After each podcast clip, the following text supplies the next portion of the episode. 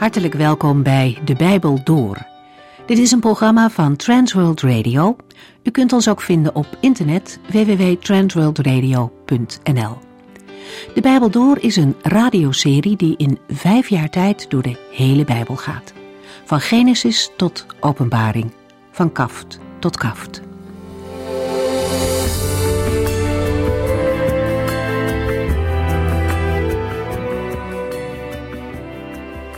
Ook vandaag lezen we verder uit de eerste brief van Johannes, hoofdstuk 2. We hebben daarin onder meer gelezen dat we als christenen op onze hoede moeten zijn om ons hart niet te verliezen aan de wereld en alles wat daarin is.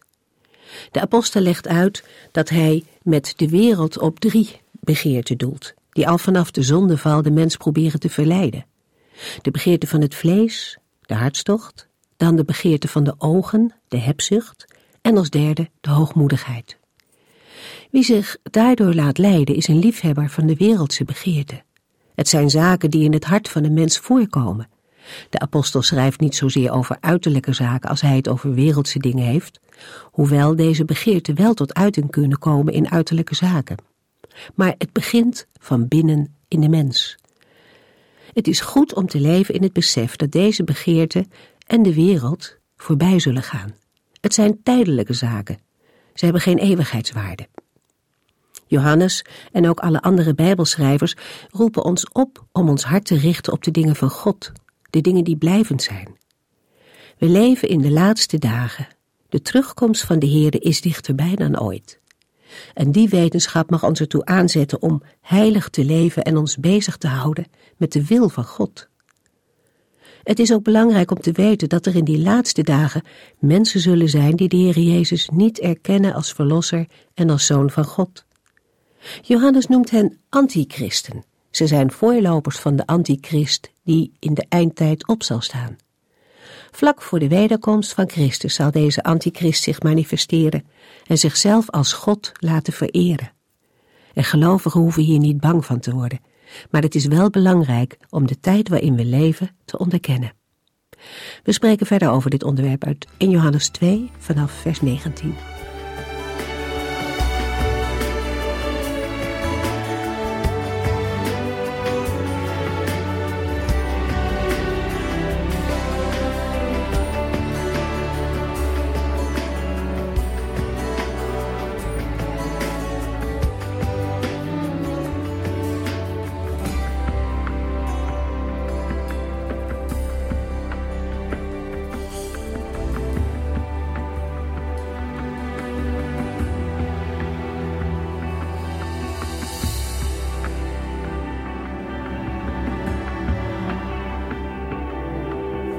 In de vorige uitzending hebben we gelezen dat Johannes aan de gelovigen schrijft dat de wereld op haar einde loopt. Deze eindtijd is de tijd tussen Christus' eerste en tweede komst.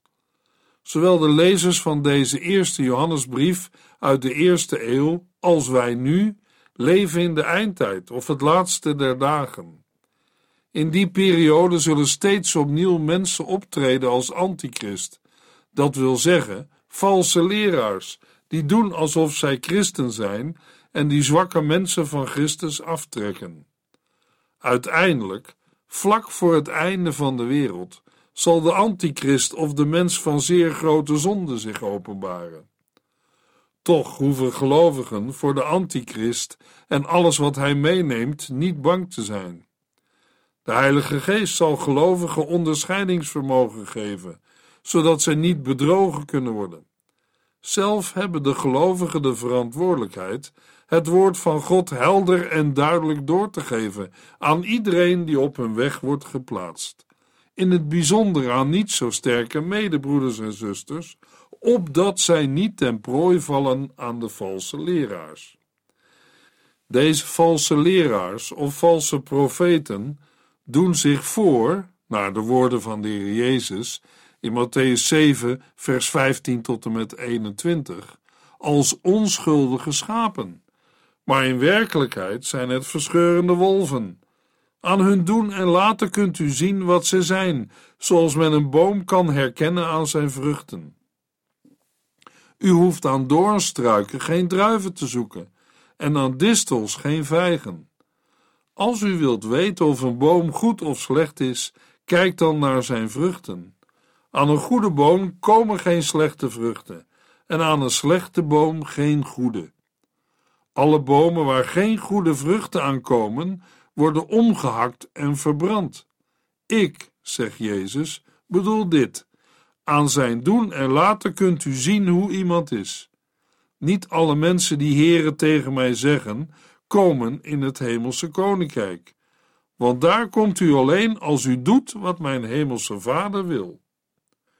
Johannes schrijft in 1 Johannes 2, vers 18 en 19: Vrienden, de wereld loopt op haar einde.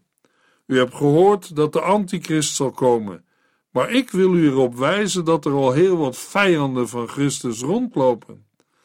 Daaruit blijkt duidelijk dat het laatste uur voor de wereld geslagen heeft.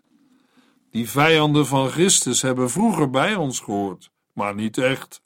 Anders zouden ze bij ons zijn gebleven. Door ons de rug toe te keren hebben zij laten zien dat ze niet allemaal bij ons hoorden. Mensen die vijandig optraden in de christelijke gemeente waren geen vreemden voor de leden van de gemeente. Johannes schrijft: Die vijanden van Christus hebben vroeger bij ons gehoord, maar dat duurde niet lang. Johannes vertelt niet waarom zij de gemeente verlieten, maar het is duidelijk dat hun motieven altijd al fout moeten zijn geweest. Ook vandaag dekt het woord christen al lang niet meer de lading.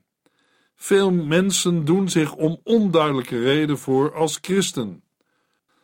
Mogelijk uit een familietraditie of om een sociale of zakelijke reden, bijvoorbeeld voor het leggen van contacten. De kerkgang kan ook een ingesleten gewoonte zijn, waar nooit vragen bij worden gesteld. Het is voor iedere gelovige goed om zijn of haar geloofsleven en geloofspraktijk onder de loep te nemen. Waarom bent u of jij een christen? Mag ik geestelijke groei ontdekken in mijn persoonlijke geloofsleven? Staat Christus centraal in mijn leven? Of is hij verplaatst naar de zijlijn? Indringende vragen. Goed om ermee in de stilte te gaan en de Heere te bidden om het ontdekkende werk van de Heilige Geest. Christus moet centraal staan in uw, jouw en mijn leven. Een andere plaats is hem onwaardig. Neem geen genoegen met minder dan het beste.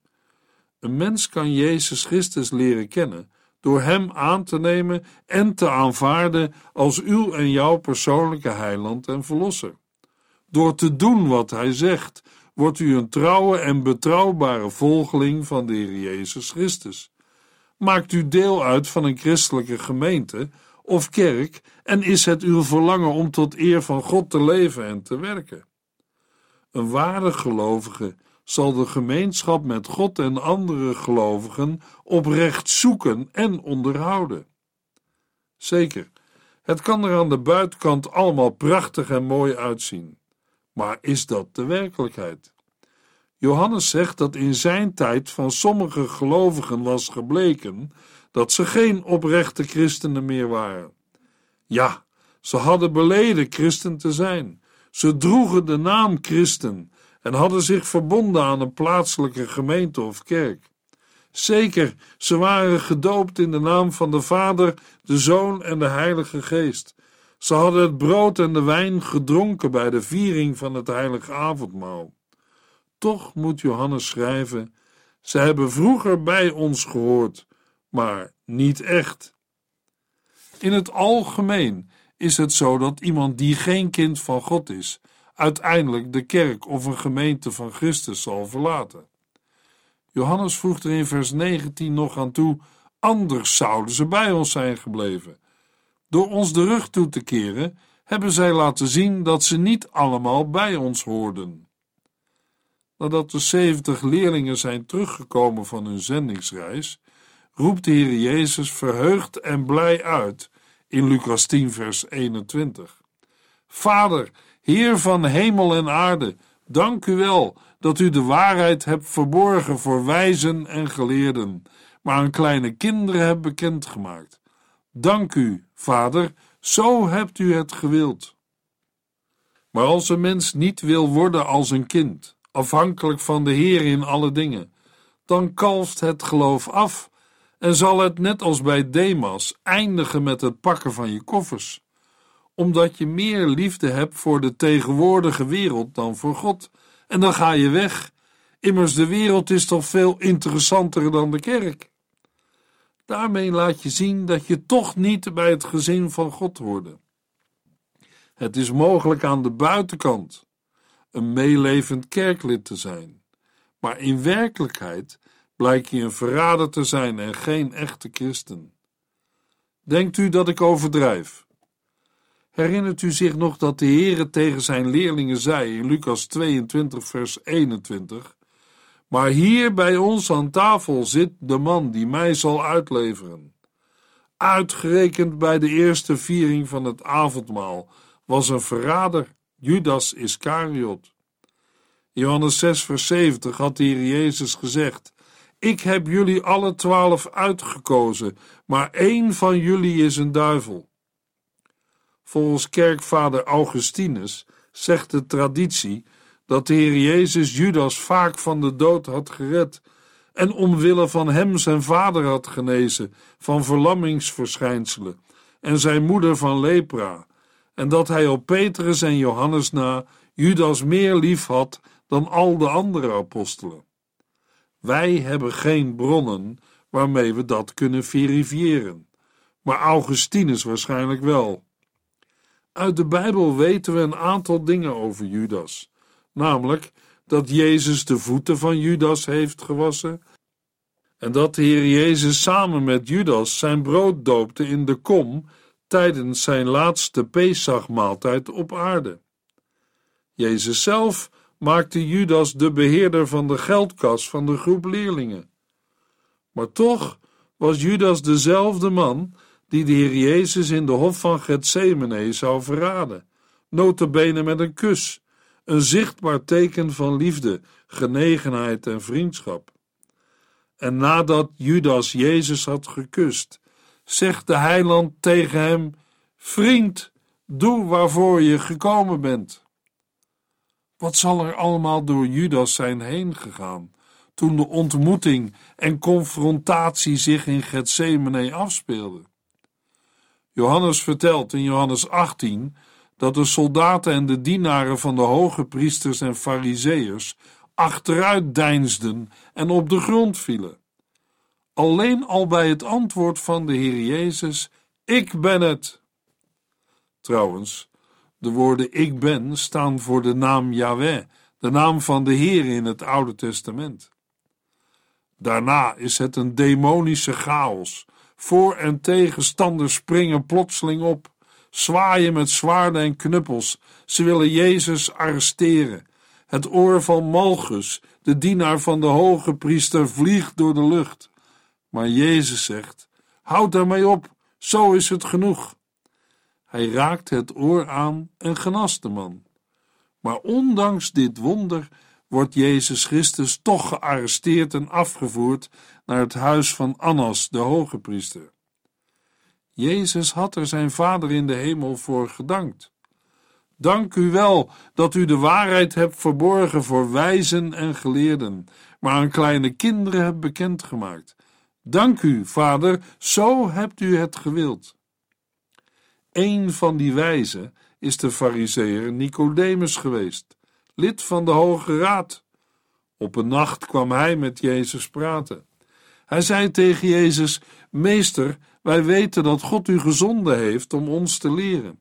Want niemand kan de wondertekenen doen die u doet, als God niet met hem is. Dan lezen we in Johannes 3, vers 3. Jezus antwoordde: Luister goed, wie niet opnieuw geboren wordt, kan het koninkrijk van God niet ontdekken. Voor iemand die Joodse mensen moest leren hoe zij met God en hun medemensen moesten leven, waren deze woorden van Jezus niet te begrijpen. In het vervolg van Johannes 3 geeft de Heer Jezus verder uitleg. Later lezen we in de Bijbel dat ook Nicodemus een volgeling van Jezus is geworden. Wij zouden zeggen een man die theologie heeft gestudeerd, een leraar in Israël was, maar ook voor hem was een persoonlijke ontmoeting met Jezus Christus noodzakelijk. En dat is vandaag voor mensen in en buiten de kerk nog steeds zo. Ook vandaag moeten wij onszelf afvragen: heb ik werkelijk mijn zonden onder ogen gezien in het licht van het kruis van de Heer Jezus Christus? Ben ik in berouw tot God gekomen? Heb ik mijn schuld toegegeven en mijn zonde beleden? Ben ik door Zijn genade wedergeboren en een kind in Gods gezin? Heb ik het woord van God lief? Is het mijn geestelijk voedsel? Hou ik van de Heer Jezus en heb ik mijn broeders en zusters lief? Dat zijn de dingen die wij moeten overwegen. Het woord van God moedigt ons daartoe aan. Paulus schrijft in Galaten 6, vers 15: Het maakt geen verschil of u besneden bent of niet. Waar het om gaat is of God een nieuwe mens van u heeft gemaakt. Aan andere gelovigen schrijft de apostel Paulus in 2 Korintiërs 13, vers 5: Onderzoek uzelf om na te gaan of u wel gehoorzame volgelingen van Christus bent. Weet u of Jezus Christus in u woont? Mocht dat niet zo zijn, dan staat u er helemaal buiten. In het begin van 1 Johannes 2 maakt de apostel Johannes duidelijk dat we kunnen weten dat we Gods kinderen zijn, namelijk als we doen wat Hij zegt. Ondanks het feit dat wij zwakke, krachteloze, struikelende en vallende kinderen zijn, kunnen we toch gemeenschap met Hem hebben, omdat het bloed van Jezus Christus, Gods Zoon, ons reinigt van alle zonde. We hebben een voorspraak bij de Vader, Jezus Christus. Voor een gelovige is gehoorzaamheid de toets van het leven. In 1 Johannes 2, vers 6 lazen we: Ieder die zegt één te zijn met Hem, moet leven zoals Jezus leefde. En Jezus zegt: Heb elkaar lief. In Johannes 13, vers 34 en 35 lezen we die woorden van Jezus. Dit is een nieuwe opdracht die ik jullie geef. Heb elkaar lief. Heb voor elkaar net zoveel liefde als ik voor jullie heb. Aan de onderlinge liefde zullen de mensen zien dat jullie mijn leerlingen zijn. De andere kant is dat een gelovige geen gemeenschap met God en andere gelovigen kan hebben als hij of zij in zonde leeft. In Spreuken 28, vers 13 lezen we: Wie niet voor zijn zonde uitkomt, kent geen voorspoed. Maar wie ze beleidt en zijn leven betert, kan rekenen op liefde en genade. Hoewel we weten dat het bloed van Christus reinigt van alle zonden, kunnen we niet wandelen en leven in zonde en tegelijkertijd gemeenschap hebben met God en met andere gelovigen. De Heer Jezus zegt in Johannes 10, vers 27 en 28: Mijn schapen luisteren naar mijn stem en ik ken ze. Zij volgen mij en ik geef hun eeuwig leven. Zij zullen nooit verloren gaan. Niemand kan hen van mij afnemen. Dan is er niets dat ik hem kan aanbieden voor mijn zaligheid en redding, maar het is alles zijn genade. We hebben een machtige heiland die nimmer de zijne vergeet. 1 Johannes 2, vers 20. U bent heel anders, want de Heilige Geest is in u komen wonen en daardoor kent u de waarheid. Voor de woorden u bent heel anders lezen we in het Grieks: U hebt de zalving van de Heilige en u weet alle dingen. Johannes gebruikt met betrekking tot de gelovigen de woorden: Want de Heilige Geest is in u komen wonen, om de tegenstelling met de Antichrist goed te doen uitkomen. De zalving van de Heilige is de Heilige Geest. Een zalving met olie is in het Oude Testament onder andere een symbolisch gebaar voor het ontvangen van de Heilige Geest. De uitdrukking moet in het Nieuwe Testament figuurlijk worden verstaan en betrokken op de gelovigen. De gelovigen hebben niet iets ontvangen dat voorbij gaat, maar iets dat blijft, namelijk een zalving van de Heilige, de Heilige Geest. De Heilige kan duiden op God, of de Heer Jezus. De vertaling daardoor kent u de waarheid is gebaseerd op de Griekse woorden u hebt de zalving van de Heilige en u weet alle dingen. U weet alle dingen legt de nadruk op datgene wat de gelovigen weten. Daardoor kennen zij de waarheid. Alle gelovigen hebben God leren kennen in Jezus Christus door de Heilige Geest. De Heilige Geest onderwijst hen in de waarheid en doet de gelovigen de gemeenschap met God ervaren. In 1 Johannes 4, vers 13 lezen we: En Hij heeft ons zijn Heilige Geest gegeven. Daardoor weten wij dat we één met Hem zijn en Hij één met ons is. De woorden U weet alle dingen betekenen niet dat een christen een wandelende Bijbelse encyclopedie is. Maar het betekent wel dat een gelovige door de Heilige Geest het woord van God kan bestuderen. En door de ervaringen die de Heere geeft, ontvangen we de mogelijkheid om geestelijk te groeien. Zo mag ieder kind van God groeien in de genade en kennis van de Heer Jezus Christus. 1 Johannes 2, vers 21. Ik schrijf u dus niet omdat u de waarheid niet zou kennen, maar omdat u de waarheid van de leugen moet kunnen onderscheiden. Nogmaals bevestigt Johannes zijn lezers in hun geloof. De apostel legt grote nadruk op wat zijn lezers weten. In 1 Johannes 5, vers 18 tot en met 20 lezen we: Wij weten dat ieder die een kind van God is, niet zondigt, want de Zoon van God beschermt hem en de duivel kan hem niets doen. Wij weten dat wij kinderen van God zijn en dat de hele wereld in de macht van de duivel is. Wij weten dat de Zoon van God gekomen is en ons heeft laten zien hoe wij de enige en echte God kunnen leren kennen. Wij zijn één met de ware God door zijn Zoon Jezus Christus. Hij is de ware God. Hem te kennen is het eeuwige leven. Dit weten moeten we zien als een synoniem van kennen. Te midden van zoveel meningen moeten de gelovigen op de goede weg blijven door aan de waarheid van God vast te houden. De waarheid van God is geopenbaard in zijn woord. In 1 Johannes 1, vers 6 en 8, als ook in 1 Johannes 2, vers 4, wordt waarheid in verband gebracht met de levenswandel en het gedrag van een gelovige. Waarheid die gedaan moet worden. In 1 Johannes 2, vers 21 staat waarheid tegenover de leugen, die in het beleiden van de dwaalleraars tot uiting komt. Tegenover de goddelijke werkelijkheid staat de leugen, dat wil zeggen de imitatie, het surrogaat. De leugen kan niet los worden gezien van de vader der leugen. In Johannes 8, vers 44 zegt Jezus tegen de vijandige leiders u bent kinderen van de duivel en doet graag wat hij wil. Hij is al sinds het begin een moordenaar en heeft altijd buiten de waarheid gestaan, want de waarheid is hem vreemd.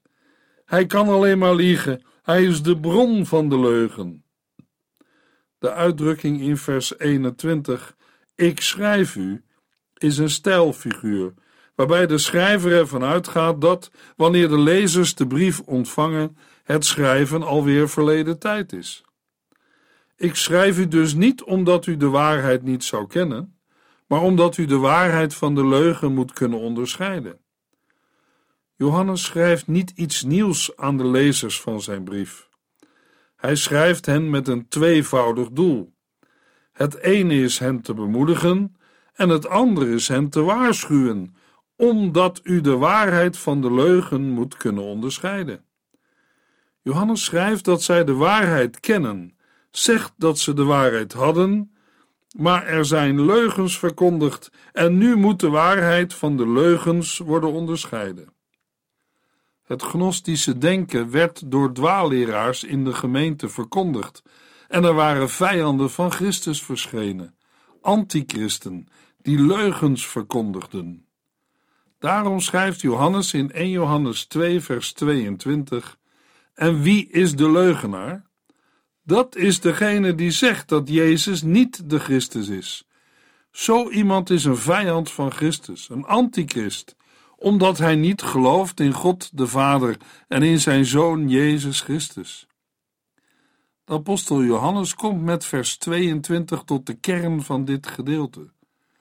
De beweringen van de voormalige leden van de gemeente houden in dat zij de Heer Jezus alleen als mens zagen en niet erkenden als de op aarde gekomen Zoon van God. In 2 Johannes 1 vers 7 lezen we Pas op voor de vele misleidende leraren die in deze wereld rondlopen.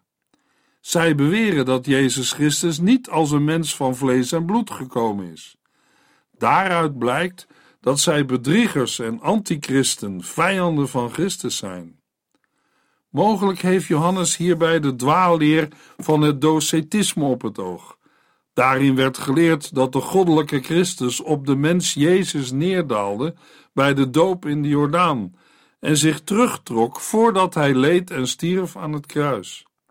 Hij vergoot zijn bloed niet als het lam van God dat de zonde van de wereld wegnam en de wereld redde. Als Johannes zegt: zo iemand is een antichrist, dan heeft hij niet de antichrist op het oog die zal verschijnen voorafgaande aan de wederkomst van Jezus. Maar dan zegt hij dat de dwaalleraars een levende belichaming zijn van de gezindheid van de antichrist. Het is onwaarschijnlijk dat de tegenstanders van Johannes het vaderschap van God logenden. Maar voor Johannes is dat de logische consequentie van het verwerpen van Jezus Christus als de Zoon van God. Wie Jezus afwijst als de Zoon, die verloochent onmiddellijk ook de Vader. In 1 Johannes 5, vers 9 lezen we: Als wij mensen geloven die getuigen, moeten wij zeker het getuigenis van God aannemen. Hij zegt dat Jezus Christus zijn zoon is. Daarover meer in de volgende uitzending.